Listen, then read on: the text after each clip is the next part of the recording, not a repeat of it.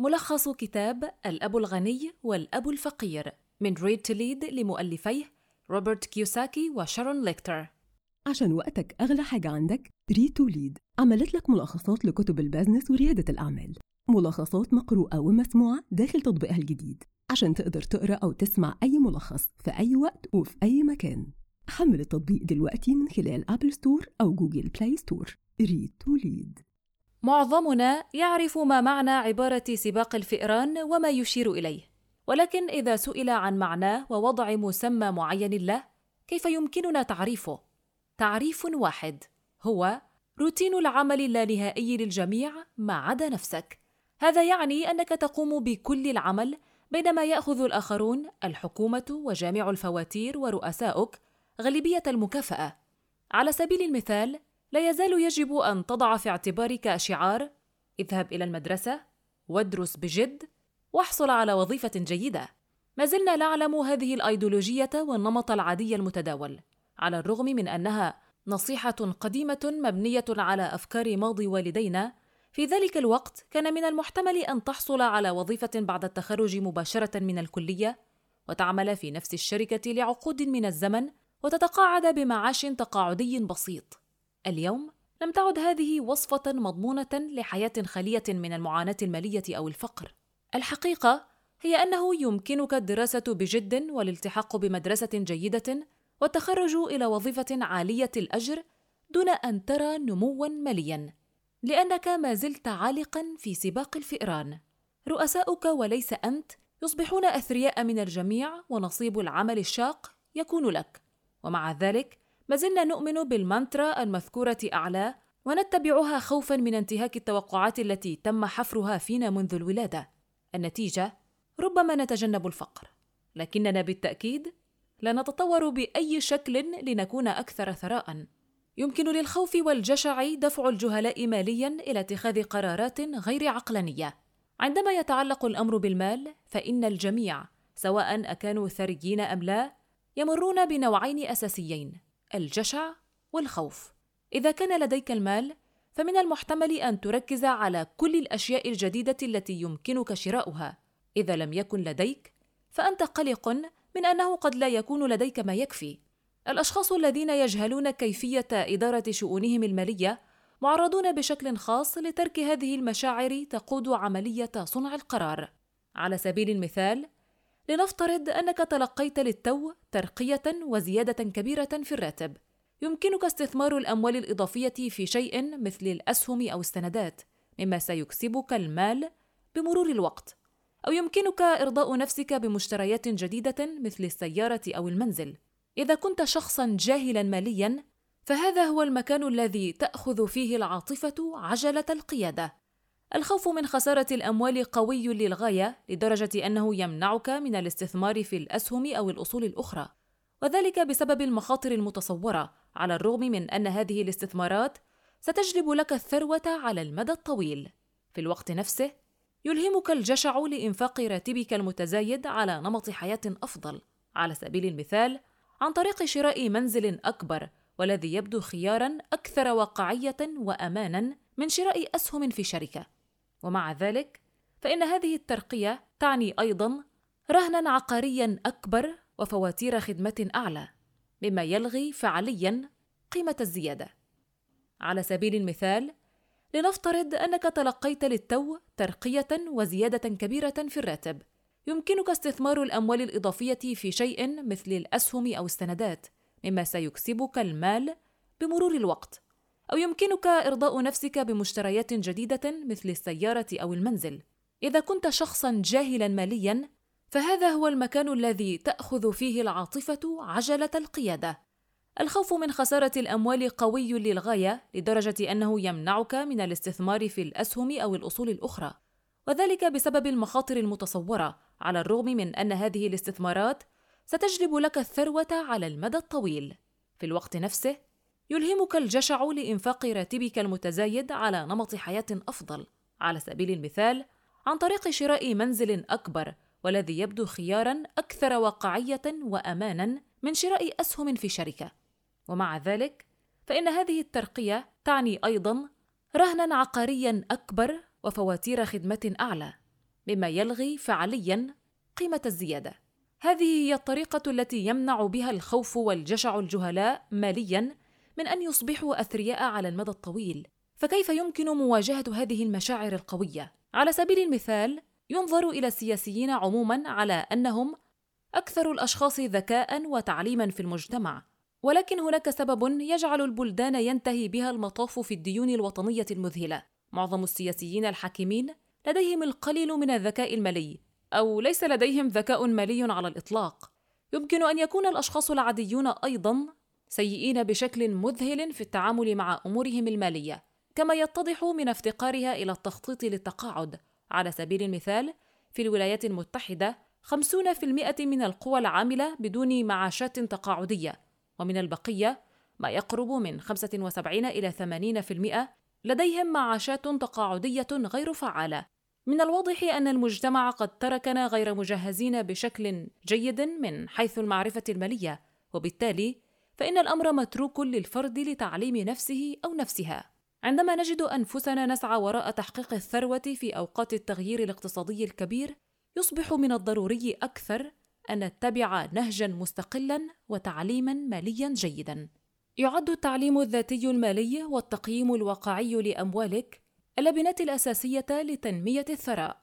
يمكنك أن تبدأ الرحلة نحو الثروة الشخصية في أي مرحلة من حياتك، ولكن كلما بدأت في تلك الخطوات مبكرا، كلما كان أفضل إذا بدأت في سن العشرين، فمن المرجح أن تصبح ثريا أكثر مما لو بدأت في سن الثلاثين. بغض النظر عن العمر، فإن أفضل طريقة للبدء هي عن طريق تقييم مواردك المالية وتحديد أهدافك، ثم الحصول على التعليم اللازم للوصول إليها. هذا النقص في التدريب على الذكاء المالي يمثل مشكلة ليس فقط لشباب اليوم، ولكن أيضا للبالغين المتعلمين تعليما عاليا، وكثير منهم يتخذ قرارات سيئة بأموالهم. على سبيل المثال، ينظر إلى السياسيين عموما على أنهم أكثر الأشخاص ذكاء وتعليما في المجتمع، ولكن هناك سبب يجعل البلدان ينتهي بها المطاف في الديون الوطنية المذهلة. معظم السياسيين الحاكمين لديهم القليل من الذكاء المالي، أو ليس لديهم ذكاء مالي على الإطلاق. يمكن أن يكون الأشخاص العاديون أيضا سيئين بشكل مذهل في التعامل مع أمورهم المالية، كما يتضح من افتقارها إلى التخطيط للتقاعد. على سبيل المثال، في الولايات المتحدة 50% من القوى العاملة بدون معاشات تقاعدية، ومن البقية ما يقرب من 75 إلى 80% لديهم معاشات تقاعدية غير فعالة. من الواضح أن المجتمع قد تركنا غير مجهزين بشكل جيد من حيث المعرفة المالية، وبالتالي فإن الأمر متروك للفرد لتعليم نفسه أو نفسها. لكي تصبح ثريا يجب أن تتعلم المخاطرة، بأنه فعل الشيء نفسه مرارا وتكرارا وتوقع نتائج مختلفة. وفقا لهذا المنطق إذا كنت تتطلع إلى تغيير حالتك المالية الحالية فستحتاج إلى البدء في التعامل مع أموالك بشكل مختلف. أكبر تغيير تحتاج إلى القيام به على الأرجح هو تعلم المخاطرة. لقد خاطر جميع الأشخاص الناجحين ماليا للوصول إلى ما هم عليه. وهم ناجحون لأنهم يديرون هذه المخاطر بدلا من الخوف منها. تحمل المخاطر يعني عدم التوازن والأمان دائما مع أموالك وهو ما تفعله عندما تضعه في حسابات جارية وحسابات توفير أساسية في البنك. بدلا من التصرف في الأموال بطريقة آمنة حاول استثمار أموالك في الأسهم أو السندات في حين أن هذه الحسابات تعتبر أكثر خطورة من الحسابات المصرفية العادية إلا أن لديها فرصة لتوليد ثروة أكبر بكثير أحيانا كما هو الحال مع الأسهم في فترة زمنية قصيرة جدا.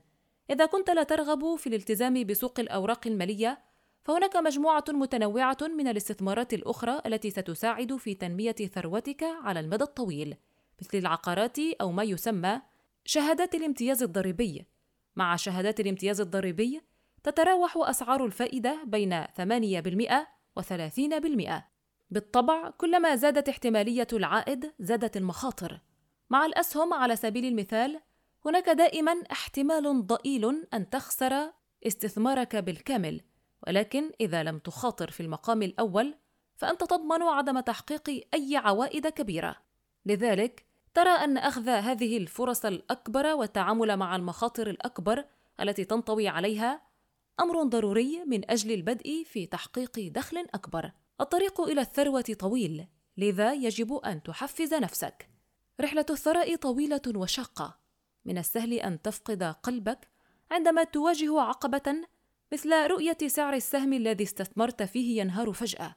من أجل تحقيق أهدافك المالية ستحتاج إلى إيجاد طرق للبقاء متحفزا حتى في مواجهة النكسات. تتمثل إحدى طرق تعزيز الدافع في إنشاء قائمة بما تريده وبما لا تريده كمرجع شخصي. على سبيل المثال لا أريد أن ينتهي بي المطاف مثل والدي وأريد أن أتحرر من ديوني في غضون ثلاث سنوات. اسحب هذه القوائم في أي وقت تحتاج فيه إلى تذكير لماذا يجب عليك المثابرة في رحلتك إلى الثروة. طريقة أخرى جيدة للبقاء متحمسا هي إنفاق الأموال على نفسك قبل دفع فواتيرك. على الرغم من أنه غير بديهي إلى حد ما إلا أنه بهذه الطريقة سترى بالضبط مقدار الأموال الإضافية التي تحتاجها كل شهر لتلبية كلا الهدفين. تلبية رغبات مثل شراء ذلك الجيتار القديم الذي كنت تراقبه وتلبية مطالب جامع الفواتير. هذا لا يعني أنه يجب عليك تراكم الكثير من ديون بطاقة الائتمان ولكن استمر في الدفع لنفسك اولا. سوف يلهمك الضغط الإضافي لسداد فواتيرك بعد ذلك لإيجاد طرق مبتكرة لكسب ما يكفي من المال لإرضاء كليهما. ستعمل هذه الطريقة أيضا على زيادة الانضباط المالي الخاص بك وتطويره وهو سمة أساسية لجميع الأشخاص الناجحين ماليا. للإلهام الخارجي ابحث في قصص حياة الأثرياء مثل دونالد ترامب أو وارن بافيت ستساعدك القراءة على معرفة كيفية تغلبهم على الصعوبات المختلفة لتحقيق الانتصارات في الحفاظ على طموحك. ضع هذه النصائح موضع التنفيذ، وستكون على يقين من أن البقاء متحمسا على طريق الثروة ليس بهذه الصعوبة. يمكن أن يؤدي الكسل والغطرسة أحيانا إلى الفقر. حتى بعد تعزيز ذكائك المالي، قد تظل المخاطر الشخصية تهددك أنت وأموالك. الكسل والغطرسة نوعان من هذه الإخفاقات. لأنهما يمكن أن يعملان ضدك بطرق غير واضحة غالبا ما نفكر في الكسل على أنه تراخ وعدم القيام بأي شيء ولكن في الواقع لا يعني الكسل بالضرورة الخمول يمكن أن يكون أيضا تجنب الأشياء التي يجب القيام بها على سبيل المثال تخيل رجل أعمال يعمل أكثر من ستين ساعة في الأسبوع.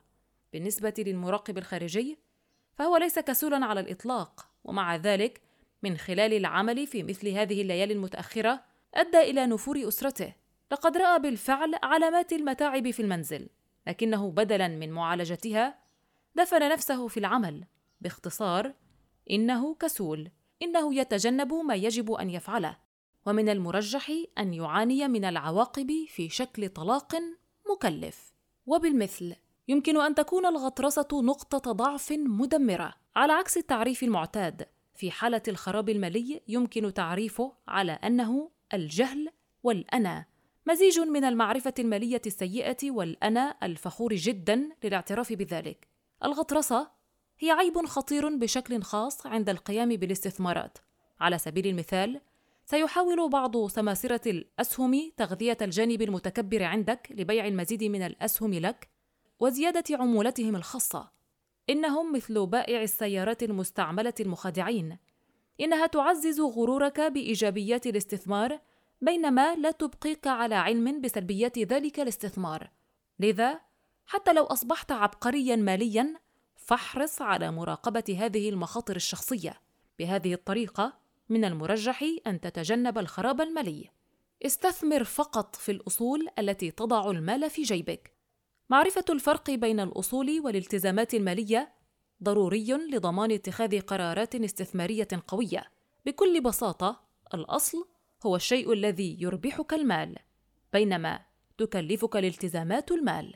من الواضح إذن أنك ستصبح ثريًا إذا استثمرت في الغالب في الأصول. تشمل الأصول الشركات والأسهم والسندات وصناديق الاستثمار المشتركة والعقارات المدرة للدخل وملاحظات Realities IOU من الملكية الفكرية وأي شيء آخر له قيمة ينتج دخلا ويزيد بمرور الوقت ويمكن بيعه بسهولة. عندما تستثمر في الأصول فإن دولاراتك تصبح موظفين يعملون لتوليد الدخل لك. كلما زاد عدد الموظفين الذين تلتزم به كان ذلك أفضل. طريقة أخرى جيدة للبقاء متحمسا هي إنفاق الأموال على نفسك قبل دفع فواتيرك. على الرغم من أنه غير بديهي إلى حد ما إلا أنه بهذه الطريقة سترى بالضبط مقدار الأموال الإضافية التي تحتاجها كل شهر لتلبية كلا الهدفين. تلبية رغبات مثل شراء ذلك الجيتار القديم الذي كنت تراقبه وتلبية مطالب جامع الفواتير.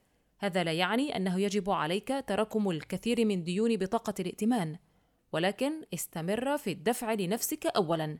سوف يلهمك الضغط الإضافي لسداد فواتيرك بعد ذلك لإيجاد طرق مبتكرة لكسب ما يكفي من المال لإرضاء كليهما. ستعمل هذه الطريقة أيضا على زيادة الانضباط المالي الخاص بك وتطويره وهو سمة أساسية لجميع الأشخاص الناجحين ماليا. للإلهام الخارجي ابحث في قصص حياة الأثرياء مثل دونالد ترامب أو وارن بافيت. ستساعدك القراءة على معرفة كيفية تغلبهم على الصعوبات المختلفة لتحقيق الانتصارات في الحفاظ على طموحك. ضع هذه النصائح موضع التنفيذ وستكون على يقين من أن البقاء متحمسا على طريق الثروة ليس بهذه الصعوبة. نظرا لأن المهنة تغطي نفقاتك فقط فمن غير المحتمل أن يجعلك هذا بمفردك ثريا. لتحقيق الثروة يجب أن تبني مشروعا تجاريا في حين الاستمرار للعمل في مهنتك.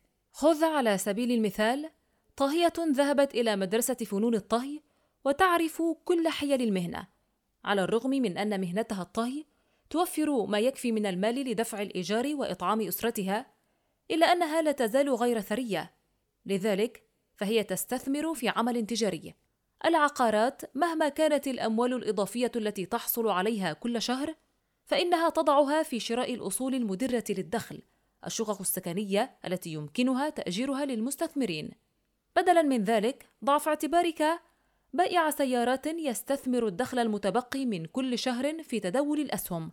في كلتا الحالتين قدمت المهن دخلا كافيا للبقاء على أساس شهري ومع ذلك من خلال استثمار دخلهم الإضافي في أعمالهم يعمل هؤلاء الأشخاص أيضا على تنمية أصولهم واتخاذ خطوات كبيرة نحو الثروة. غالبا ما تمول مهنتك عملك في البداية. من الحكمة أن تحافظ على وظيفتك اليومية حتى يبدأ عملك في إظهار نمو مستدام. عندما يبدأ ذلك في الحدوث تصبح أصولك وليس مهنتك مصدر الدخل الرئيسي. وهذا في الواقع هو علامة على الاستقلال المالي الحقيقي. افهم نظام الضرائب لمساعدتك في تقليل الضرائب الخاصة بك.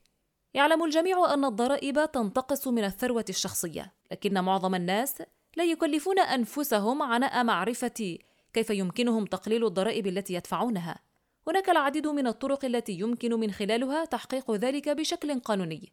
تتمثل إحدى طرق تقليل الضرائب في استثمار أموالك من خلال التغطية من خلال شركة. إذا كنت تستثمر من خلال مؤسستك الخاصة فإن الأموال التي تجنيها تخضع للضريبة بشكل أكثر تساهلا مما لو كنت تستثمر باسمك الخاص. في الولايات المتحدة تأتي الشركات مع مزايا أخرى أيضا. على سبيل المثال يتم وضع الديون والالتزامات في اسم الشركة وليس اسم المالك والذي يؤمن ضد الخسائر المحدودة في الاستثمارات المتطرفة. عندما تكون موظفا فإنك تكسب وتدفع الضرائب ثم تحاول العيش على ما تبقى. عندما تكون محميا من قبل شركة فإنك تكسب وتستثمر أو تنفق بقدر ما تستطيع ثم تدفع تلك الضرائب مما تبقى. ليس من المستغرب إذن أن تساعد الشركات الناس على الثراء بسرعة أكبر. هناك طرق أخرى يمكنك من خلالها تقليل الضرائب أيضا. إنها مجرد مسألة تثقيف نفسك حول العديد من الثغرات والمزايا للنظام الضريبي. على سبيل المثال بسبب القسم 1031 من قانون الإيرادات الداخلية لنظام الضرائب في الولايات المتحدة فإذا كنت تبيع أصولك العقارية الحالية من أجل شراء أصول أكثر تكلفة فإن الحكومة تؤخر فرض ضرائب على العقارات الجديدة الخاصة بك حتى تقوم بتصفية الممتلكات هذا يعني زيادة مكاسب رأس المال الخاص بك بينما تمتنع الحكومة عن أخذ أي شيء منك إلى وقت لاحق. من خلال التعرف على كيفية عمل النظام في بلدك، قد تكون قادرا بشكل قانوني على تقليل مقدار الأموال التي تأخذها الحكومة منك. ختاما، نظرا لأننا غير مدربين على الذكاء المالي في المدرسة، فإن الأمر متروك لنا كأفراد لتطوير هذه السمة بأنفسنا.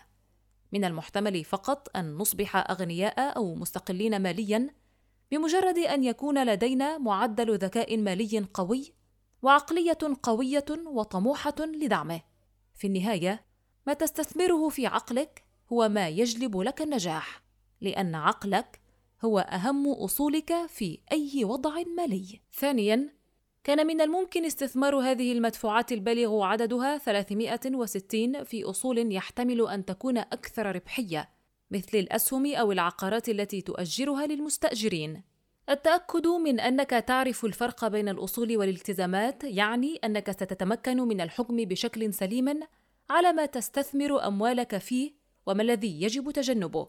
مهنتك تدفع الفواتير، لكن عملك هو ما سيجعلك ثريًا. يعتبر معظم الناس أن مهنهم وأعمالهم شيء واحد عندما يتعلق الأمر بالشؤون المالية الشخصية هناك فرق المهنة هو كل ما تفعله لمدة أربعين ساعة في الأسبوع لدفع الفواتير وشراء البقالة وتغطية تكاليف المعيشة الأخرى. عادة ما يمنحك عنوانا محددا مثل ملك مطعم أو مسؤول مبيعات. العمل المهني الخاص بك من ناحية أخرى هو ما تستثمر فيه الوقت والمال للمساعدة في تنمية أصولك. نظرا لأن المهنة تغطي نفقاتك فقط فمن غير المحتمل أن يجعلك هذا بمفردك ثريا. لتحقيق الثروة يجب أن تبني مشروعا تجاريا في حين الاستمرار للعمل في مهنتك. خذ على سبيل المثال طاهيه ذهبت إلى مدرسة فنون الطهي وتعرف كل حيل المهنة. على الرغم من أن مهنتها الطهي توفر ما يكفي من المال لدفع الإيجار وإطعام أسرتها إلا أنها لا تزال غير ثرية. لذلك فهي تستثمر في عمل تجاري. العقارات مهما كانت الأموال الإضافية التي تحصل عليها كل شهر فإنها تضعها في شراء الأصول المدرة للدخل الشقق السكنية التي يمكنها تأجيرها للمستثمرين. بدلا من ذلك ضع في اعتبارك بائع سيارات يستثمر الدخل المتبقي من كل شهر في تداول الأسهم. في كلتا الحالتين قدمت المهن دخلا كافيا للبقاء على أساس شهري ومع ذلك من خلال استثمار دخلهم الإضافي في أعمالهم يعمل هؤلاء الأشخاص أيضا على تنمية أصولهم واتخاذ خطوات كبيرة نحو الثروة. غالبا ما تمول مهنتك عملك في البداية. من الحكمة أن تحافظ على وظيفتك اليومية حتى يبدأ عملك في إظهار نمو مستدام. عندما يبدأ ذلك في الحدوث تصبح أصولك وليس مهنتك مصدر الدخل الرئيسي. وهذا في الواقع هو علامة على الاستقلال المالي الحقيقي. افهم نظام الضرائب لمساعدتك في تقليل الضرائب الخاصة بك.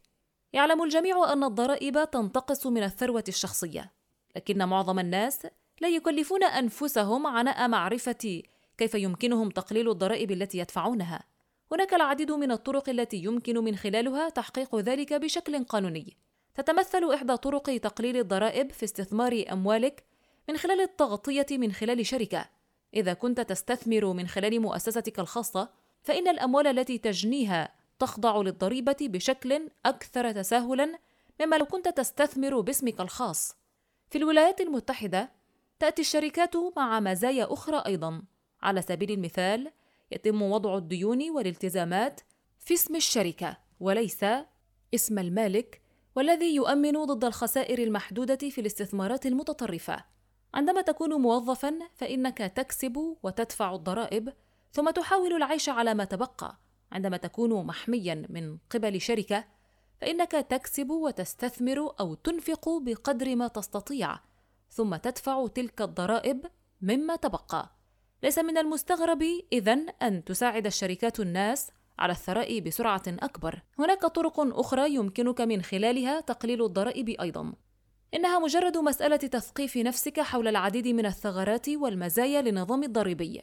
على سبيل المثال، بسبب القسم 1031 من قانون الإيرادات الداخلية لنظام الضرائب في الولايات المتحدة، فإذا كنت تبيع أصولك العقارية الحالية من أجل شراء أصول أكثر تكلفة، فإن الحكومة تؤخر فرض ضرائب على العقارات الجديدة الخاصة بك حتى تقوم بتصفية الممتلكات.